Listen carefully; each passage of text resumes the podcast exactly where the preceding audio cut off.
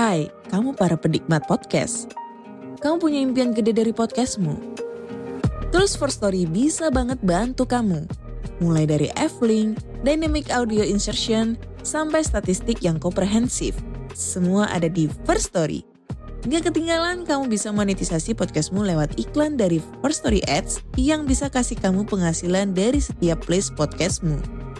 Yuk gabung sekarang dengan klik di firststory.me. Sekali lagi, klik di firststory.me. Mari kita bawa mimpi podcastingmu menjadi kenyataan.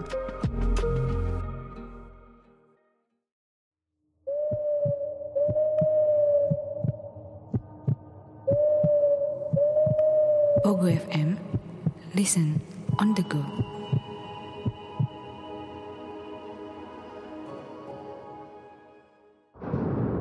Hai, saya Chow Sing Sing. Selamat datang di podcast Horror Night Story. Pasang telinga, buka pikiran, dan biarkan rasa takut merayap di dalam dirimu. Selamat mendengarkan.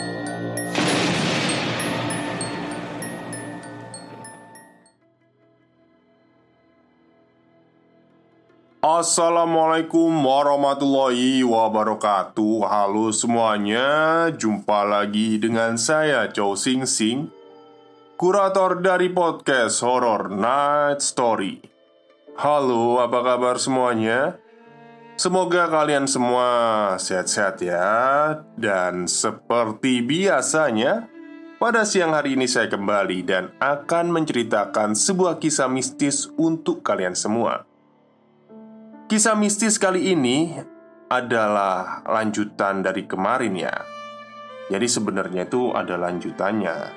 Kemarin kan menceritakan tentang uh, masa kecilnya si Sigit yang sudah ini ya karena ada persekutuan bapaknya Sigit dengan Wewe Gombel itu tadi ya. Dan ini karena sudah lama Sigit itu udah umur 17 tahun akhirnya kembali ke rumahnya yang dulu pernah ditempati. Karena pantangannya itu sebelum umur 17 tahun Sigit nggak boleh menempati rumah yang pernah ditempati masa kecilnya itu. Jadi di cerita kali ini akan menceritakan masa dewasanya Sigit saat berada di rumah ini.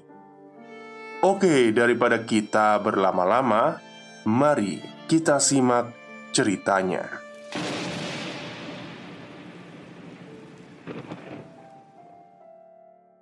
Tahun demi tahun berlalu tanpa cerita seram dari sosok Wewe Gombel itu. Usaha Pak Minto juga terlihat biasa saja, meski kini tak sebesar dulu. Di Bantul, Sigit mulai tumbuh dewasa dengan ingatan masa kecilnya yang sudah hilang. Dia tak tahu, bahkan juga tak ingat tentang sosok Wewe Gombel yang dinamai olehnya sebagai Mbah Gandul itu. Hingga akhirnya sampailah ia di umur 17 tahun.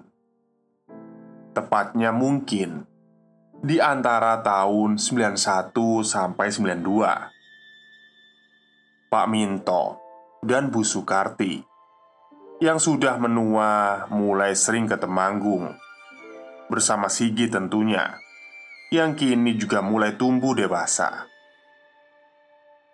Dan sekitar tahun 94-95 Keluarga Pak Minto mulai benar-benar menetap di rumah itu lagi bersama Sigit yang sudah lulus sekolah. Dia sedikit demi sedikit diajari oleh bapaknya untuk meneruskan usahanya. Ini kelak akan menjadi rumahmu, Nak, dan ini juga akan jadi usahamu. Ucap Pak Minto kepada Sigit di suatu sore. Sejak hari itu, kegiatan Sigit mulai berkutat di pasar Di toko sembako milik Pak Minto ayahnya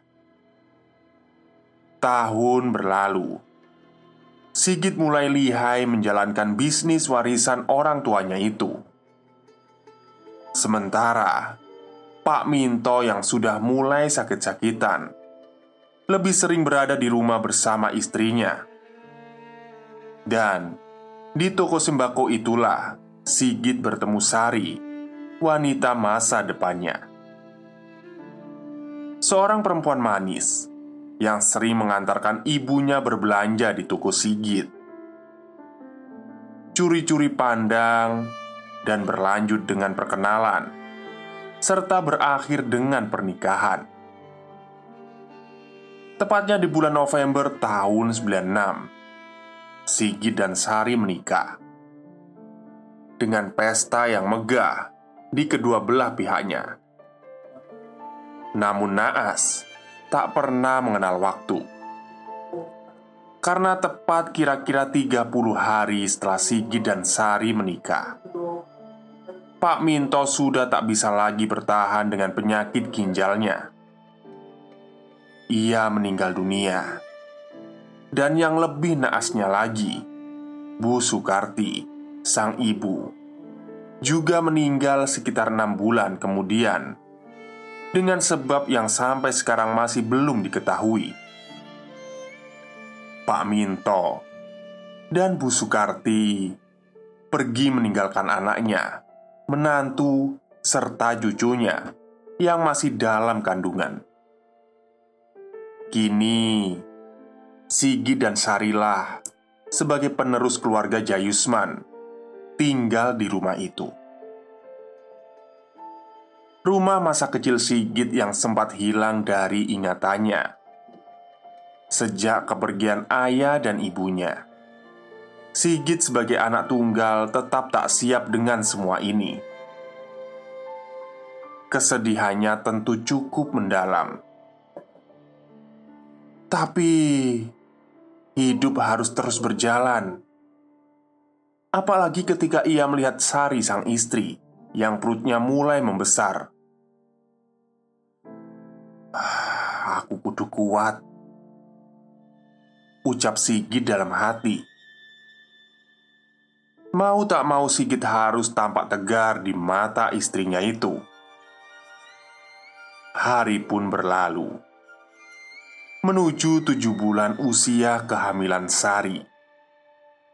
Mulai timbul keanehan-keanehan Yang mungkin belum mereka sadari.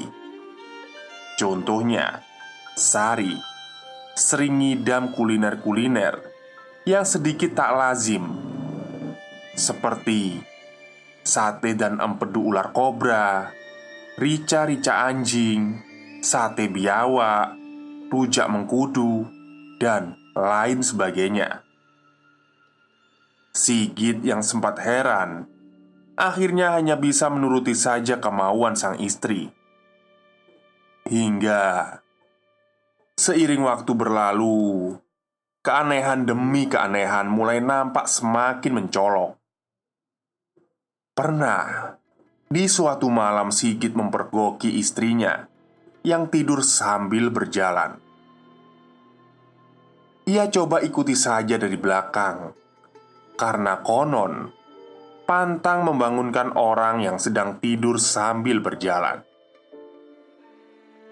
Sigit mengikuti langkah demi langkah hingga Sari berhenti di depan sebuah lemari yang berada di kamar mendiang ayah dan ibunya. Kamar itu memang kini kosong, tapi yang Sigit heran, di situ seperti ada seseorang yang berbicara dengan Sari. Suaranya seperti berada di balik lemari mendiang ayahnya itu. Sigit tak tahu pasti apa yang sedang Sari bicarakan karena dialeknya menggunakan bahasa Jawa Kawi yang tak begitu Sigit mengerti. Yang jelas, suaranya seperti seseorang yang lemah atau sekarat. Terdengar dari suaranya yang terbata-bata. Sigit yang memang tergolong orang yang tak kenal takut langsung bergegas menghampiri dan segera membuka lemari itu. Namun terkunci. Dan bersamaan dengan itu, suara itu menghilang. Sigit menuntun Sari kembali ke tempat tidurnya dengan penuh tanya yang langsung ia tepis. Satu keanehan lagi yang paling kerap terjadi adalah Sari yang selalu harus duduk di pekarangan belakang rumahnya saat sore hari menjelang maghrib sambil tersenyum aneh seraya mengelus-elus perutnya. Tapi lagi-lagi ini tak juga mereka sadari. Sampai akhirnya Pak Detura datang berkunjung. Beliau yang baru saja masuk ke rumah itu langsung disambut kemarahan oleh Sari. Ini jelas tak masuk akal karena mereka jarang bertemu. Sigit yang agaknya malu dengan Pak Detura tentu langsung memarahi istrinya itu. Namun, sang istri merasa tak bisa mengendalikan amarahnya ketika melihat wajah Pak Detura. Yang jelas, Sari juga tak mau melakukan itu. Di sini Pak Detura langsung paham bahwa ada yang tidak beres dengan langkahnya yang mulai rentah. Pak Ditura merangkul Sigit dan mengajaknya berbicara empat mata di ruang tamu. Dan dengan terpaksa Pak Ditura menceritakan semua yang selama ini ditutupi, yaitu tentang sejarah kehidupan mendiang ayahnya yang pernah bersekutu dengan Wewe Gombel. Beliau juga menceritakan alasan kenapa masa kecil Sigit tidak dibesarkan di rumah ini. Kamu dulu itu mau dibawa Luna Ucap Pak Detura Antara percaya dan tidak percaya Ketika Sigit mendengar cerita itu yang Sigit tahu, ayahnya adalah sosok yang sangat menyayanginya. Meski dulu waktu di Bantul, Sigit hanya bertemu ayahnya seminggu atau sebulan sekali. Tapi Sigit benar-benar bisa merasakan kasih sayang ayahnya itu. Dulu, ayah pasti bawa mainan ketika ke Bantul Ucap Sigit dengan matanya yang mulai berkaca-kaca.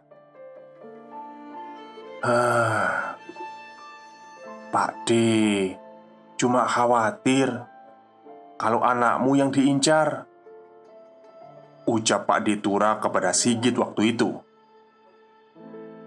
Terus gimana ini Pak D? Jawab Sigit sudah, nanti Pak D yang ngurus. Semoga aja Pak D masih kuat ya. Kata Pak D. Pak D pun menyuruh Sigit untuk membuka lemari mendiang ayahnya itu. Karena kuncinya tak juga ditemukan. Akhirnya, Sigit membuka lemari itu dengan paksa. Didampingi oleh Pak D Sigit mengambil kotak kayu yang dimaksud, membawanya ke pekarangan belakang, lalu membukanya. "Sudah, peganglah kain itu," ucap Pak Detura menyuruh Sigit. Tercium aroma minyak melati dari kain lusuh itu, yang kini Sigit genggam dengan agak gemetaran. Kamu itu orang yang urung dijadikan tumbal. Jadi, Wewe Gombel itu pasti lebih nurut sama kamu. Ucap Pak Detura kepada Sigit di sore itu.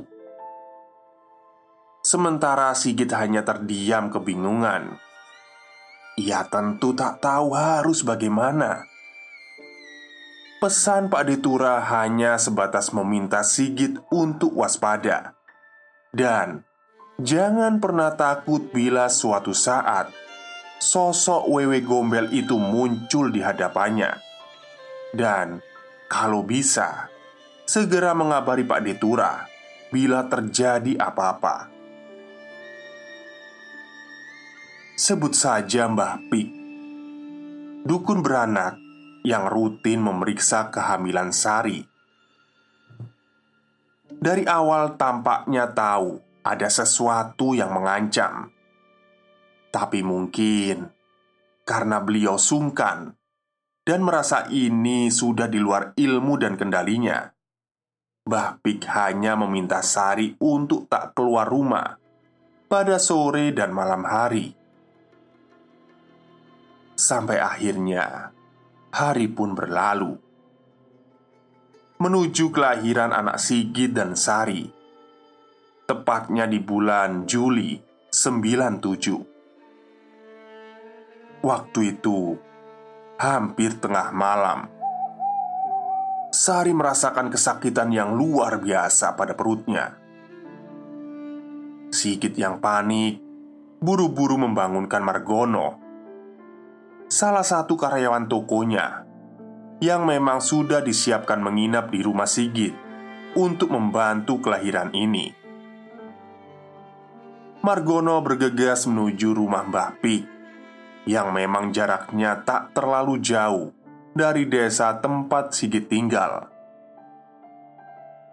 Sementara itu Sigit tengah menyiapkan air hangat di dapur Seraya bolak-balik ke kamar untuk memeriksa istrinya Yang sudah tampak merintih kesakitan itu. Dan Bersamaan dengan itu mulai terjadi sesuatu keanehan Yaitu terdengar suara ciakan anak ayam Yang seperti mengelilingi rumahnya. Dari awal Sigit sudah menyadari suara itu namun kepanikannya saat itu tentu saja membuat Sigit tak mempedulikannya. Air hangat sudah siap dan dibawa ke kamarnya. Sigit kini duduk di samping Sari seraya menggenggam tangannya. Ditemani suara ciakan ayam yang mulai terdengar merangsek masuk ke dalam rumah.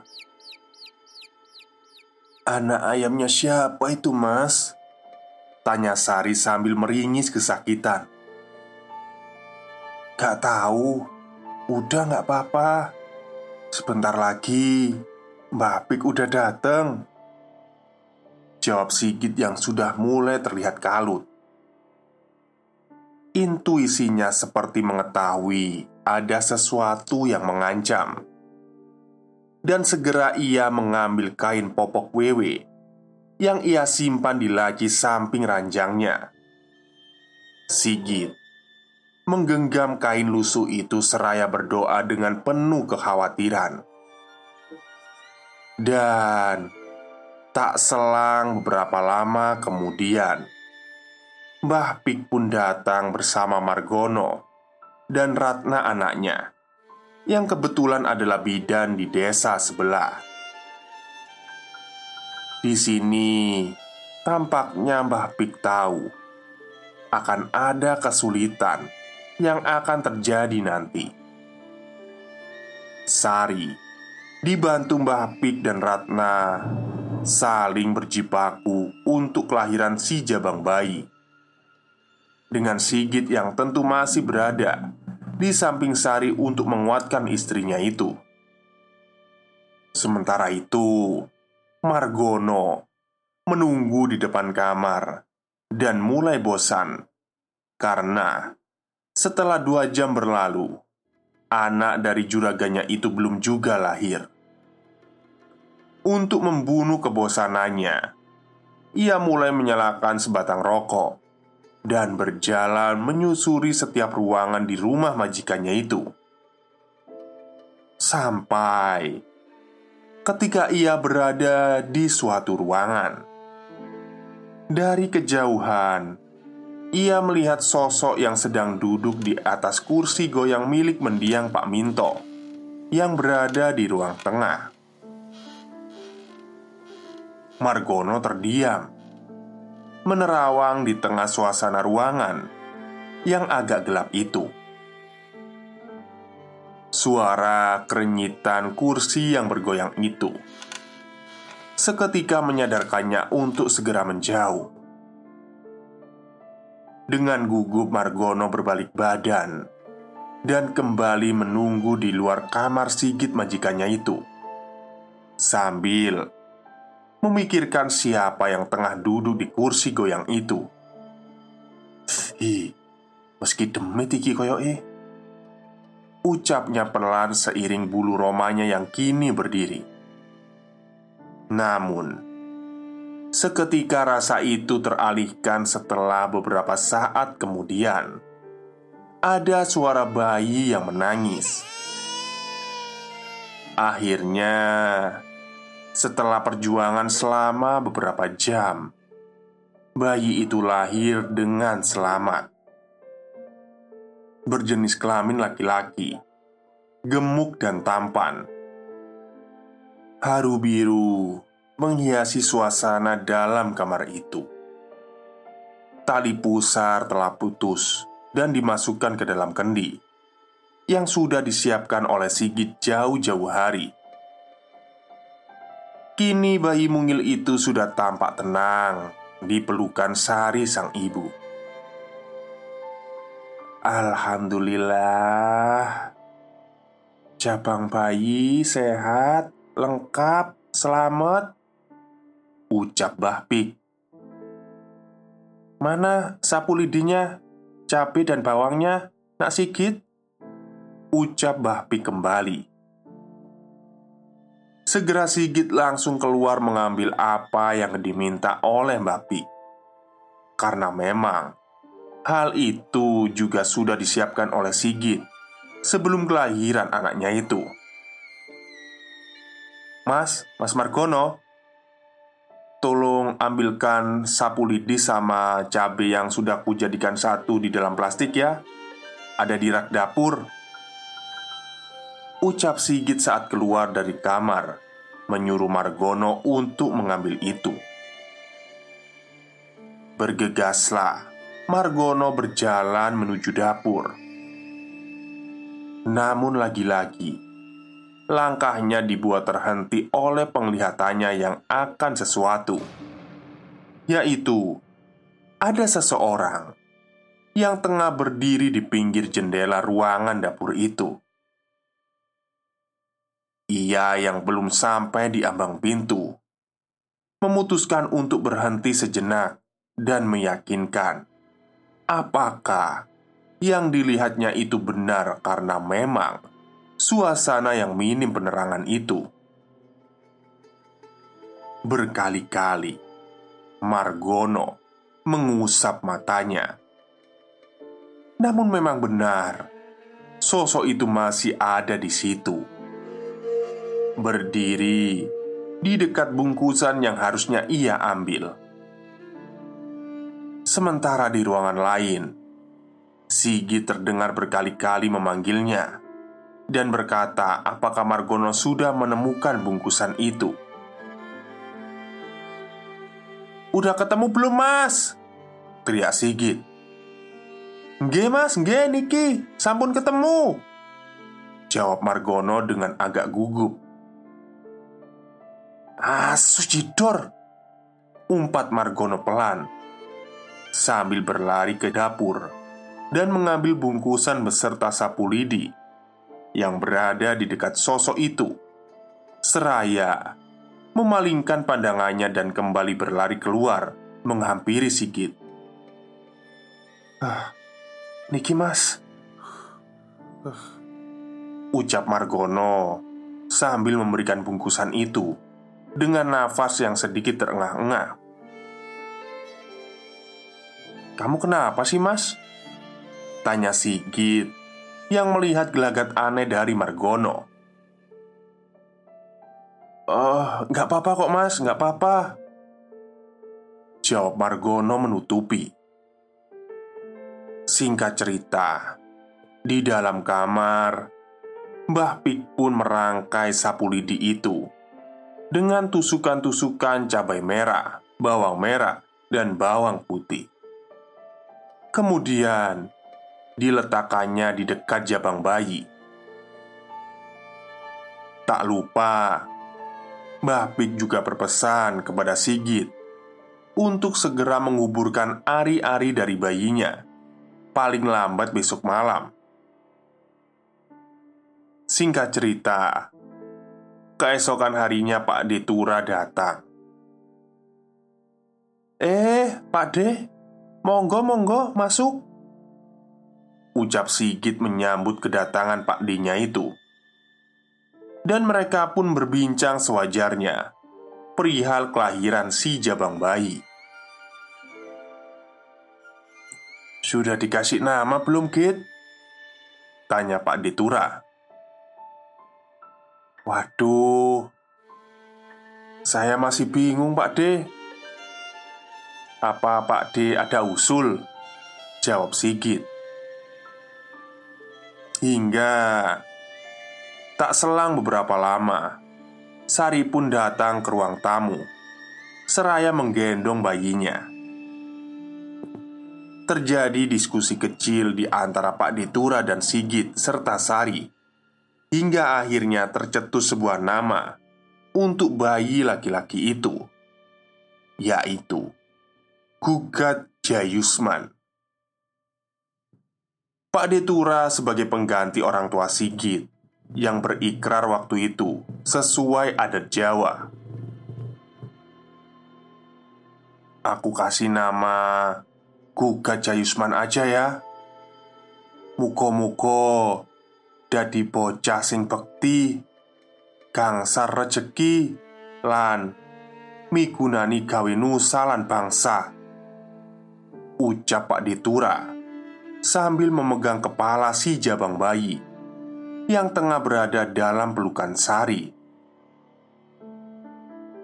Kegiatan pun berlalu ke penguburan ari-ari si gugat, ditemani oleh Margono dan Pak Detura. Sigit menggali lubang di pekarangan belakang rumahnya dan memendam kendi kecil berisi bagian dari tubuh gugat saat masih dalam kandungan itu. Dia menutupinya dengan kurungan ayam dan mendampinginya dengan lentera kecil. Dan dari sinilah cerita demi cerita dimulai. Sekitar 10 hari usia kelahiran Gugat. Siangnya di hari itu tali pusar Gugat terlepas. Atau Orang Jawa biasa menyebutnya dengan istilah puputan. Dan setelah puput itulah biasanya bayi baru boleh dijenguk. Orang-orang, tetangga, dan kerabat mulai berdatangan menjenguk si kecil gugat yang tampak lebih sering menangis.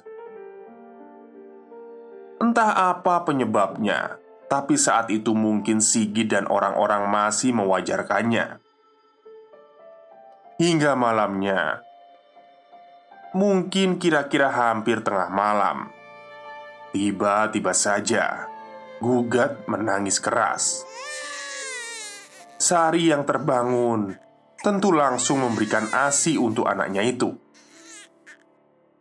Tapi entah mengapa Gugat seperti menghindari ASI dari sang ibu dan terus menangis. Bersamaan dengan itu, terdengar suara ciakan anak ayam dari balik jendela kamar. Sari mendengar dengan jelas suara itu, meski sedikit tersamarkan oleh suara tangisan gugat. Sigit yang juga terbangun setelah itu kini tampak saling pandang dengan istrinya. Dan betapa anehnya ketika kini suara ciakan ayam itu berubah menjadi sebuah nyanyian. Sebuah nyanyian suara wanita tua yang serak dan parau, namun bernada jelas sekali dari balik jendela.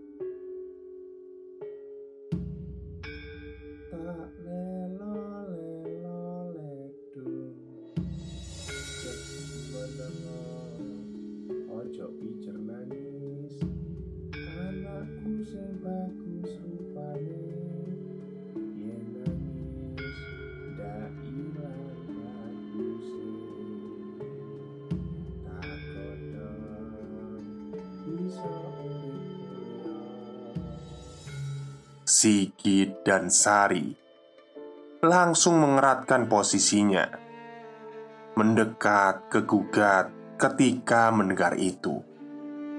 Namun anehnya, si gugat perlahan mulai berhenti menangis dan mau menerima ASI dari sang ibu. Sementara suara nyanyian itu masih terdengar seperti berjalan masuk ke dalam rumah dan kemudian menghilang. Gugat kini tampak sudah terlelap. Sementara kini Sigi dan Sari hanya bisa terdiam.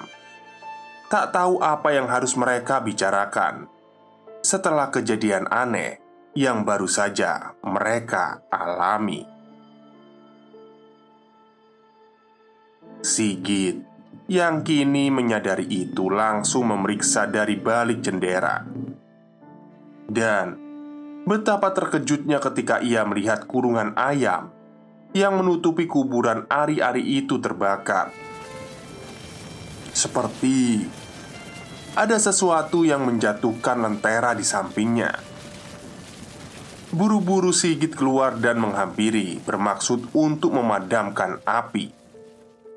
Ia yang berjalan mendekat kini tampak berhenti karena di antara kobaran api yang membakar, tampak ada seseorang yang duduk berjongkok.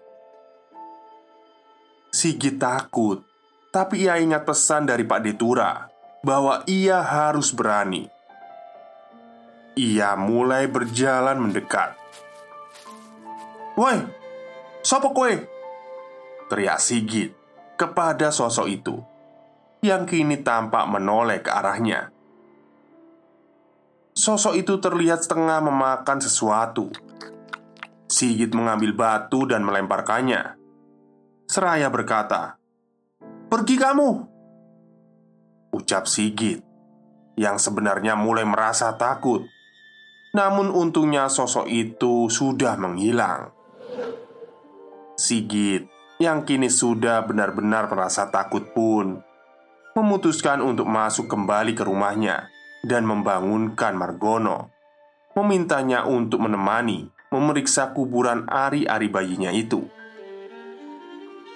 Singkat cerita, tibalah Sigi dan Margono memeriksanya, dan betapa kagetnya ketika dibongkar kendi itu sudah mencuat keluar dari tanah.